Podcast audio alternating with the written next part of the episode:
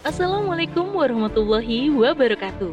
Hai Sobat Narasi Pos di mana pun Anda berada Kembali lagi bersama saya Giriani di podcast Narasi Pos. Kali ini saya akan membacakan sebuah naskah opini Karya Ragil Rahayu SE Dengan judul Dolar Tidak Lagi Kekar Saatnya Dinar Dirham Bersinar. Narasipos.com Cerdas dalam literasi media Bijak menangkap peristiwa kunci Selama ini, dolar Amerika Serikat dikenal sebagai mata uang nomor satu di dunia. Dolar Amerika Serikat menjadi standar bagi mata uang lainnya dan bahkan menjadi mata uang cadangan internasional yang utama. Selama ini, dolar Amerika Serikat menjadi mata uang yang paling banyak digunakan dalam transaksi internasional. Namun, masa-masa kejayaan dolar Amerika Serikat sepertinya tidak berlangsung lama. Dahulu, sebelum dolar Amerika Serikat merajai dunia, mata uang yang paling berkuasa adalah pound sterling. Karena luasnya dominasi kolonialisme Inggris. Namun, seiring dengan berkurangnya wilayah jajahan Inggris atau dekolonisasi Inggris, dinar pound sterling pun sirna. Adapun dolar Amerika Serikat, ini beberapa pihak memprediksi bahwa akhir kejayaannya semakin dekat. Salah satunya adalah bankir ternama di Rusia, Andrei Kostin. Dia mendasarkan analisisnya pada menguatnya yuan. CEO VTB Bank ini mengungkapkan, krisis yang kini terjadi telah membawa perubahan besar terhadap ekonomi dunia. China disebut-sebut menempati posisi ekonomi teratas. Kostin mengatakan kepada Reuters, era sejarah panjang dominasi dolar Amerika akan segera berakhir saya pikir waktunya telah tiba ketika China secara bertahap akan menghapus pembatasan mata uang. Kondisi ini menurut Kostin laksana perang panas yang lebih berbahaya dari perang dingin karena Amerika Serikat dan Uni Eropa tidak bisa lagi mengancam Rusia agar menggunakan dolar.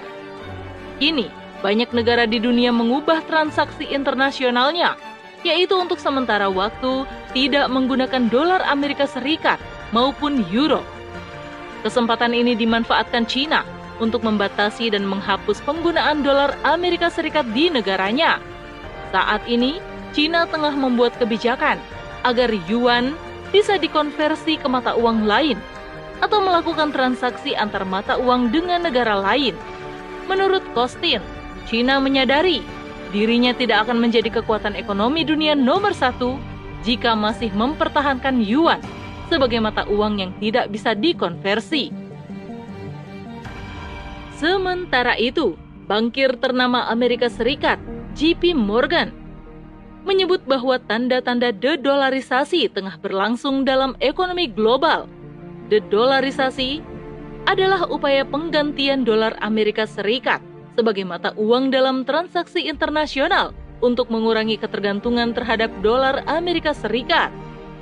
Kelompok negara BRICS yang terdiri dari Brasil, Rusia, India, China, dan Afrika Selatan gencar melakukan dedolarisasi. Indonesia juga sudah melakukan dedolarisasi sejak 2018. Indonesia melakukan local currency settlement atau LCS yaitu transaksi bilateral dengan mata uang masing-masing negara dengan Malaysia dan Thailand.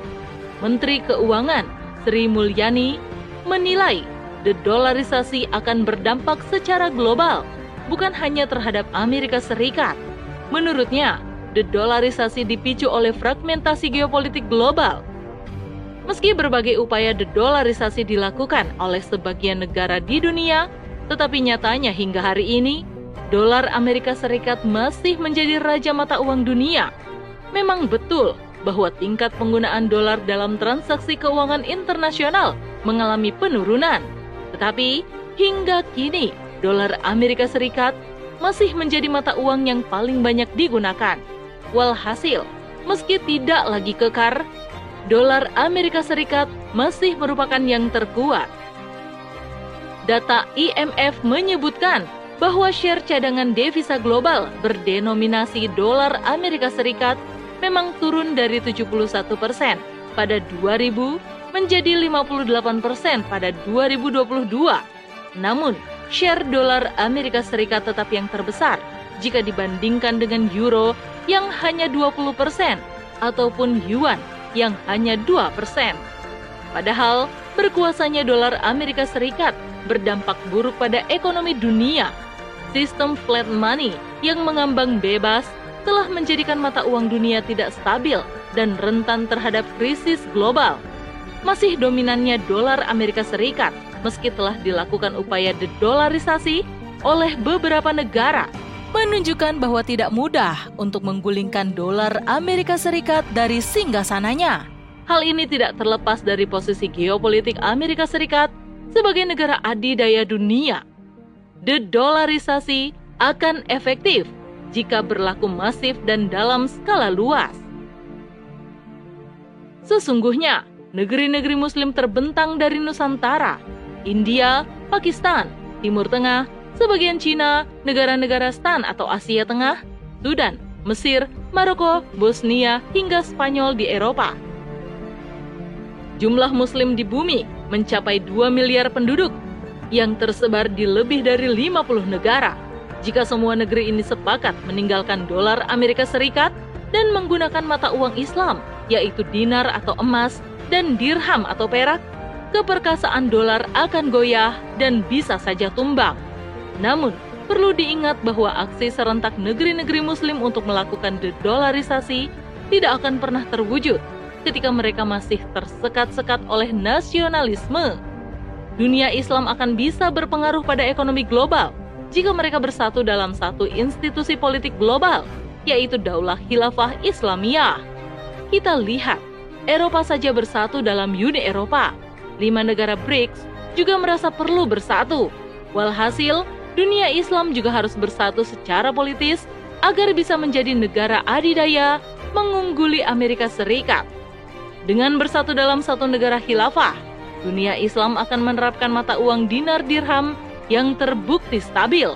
Hal ini akan mengurangi penggunaan dolar Amerika Serikat secara drastis dan memunculkan raksasa ekonomi baru, yaitu khilafah.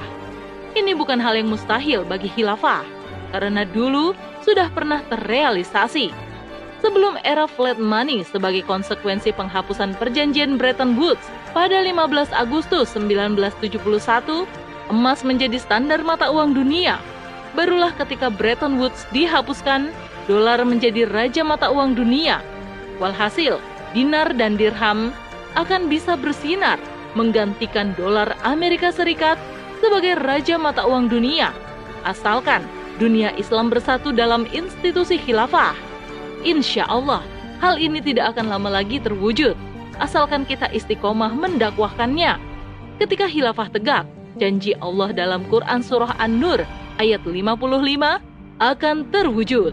Allah Subhanahu wa taala berfirman, Allah telah menjanjikan kepada orang-orang di antara kalian yang beriman dan beramal soleh bahwa dia sungguh akan menjadikan mereka berkuasa di muka bumi sebagaimana dia telah menjadikan orang-orang sebelum mereka berkuasa. Wallahu a'lam bisawab. Wassalamualaikum warahmatullahi wabarakatuh.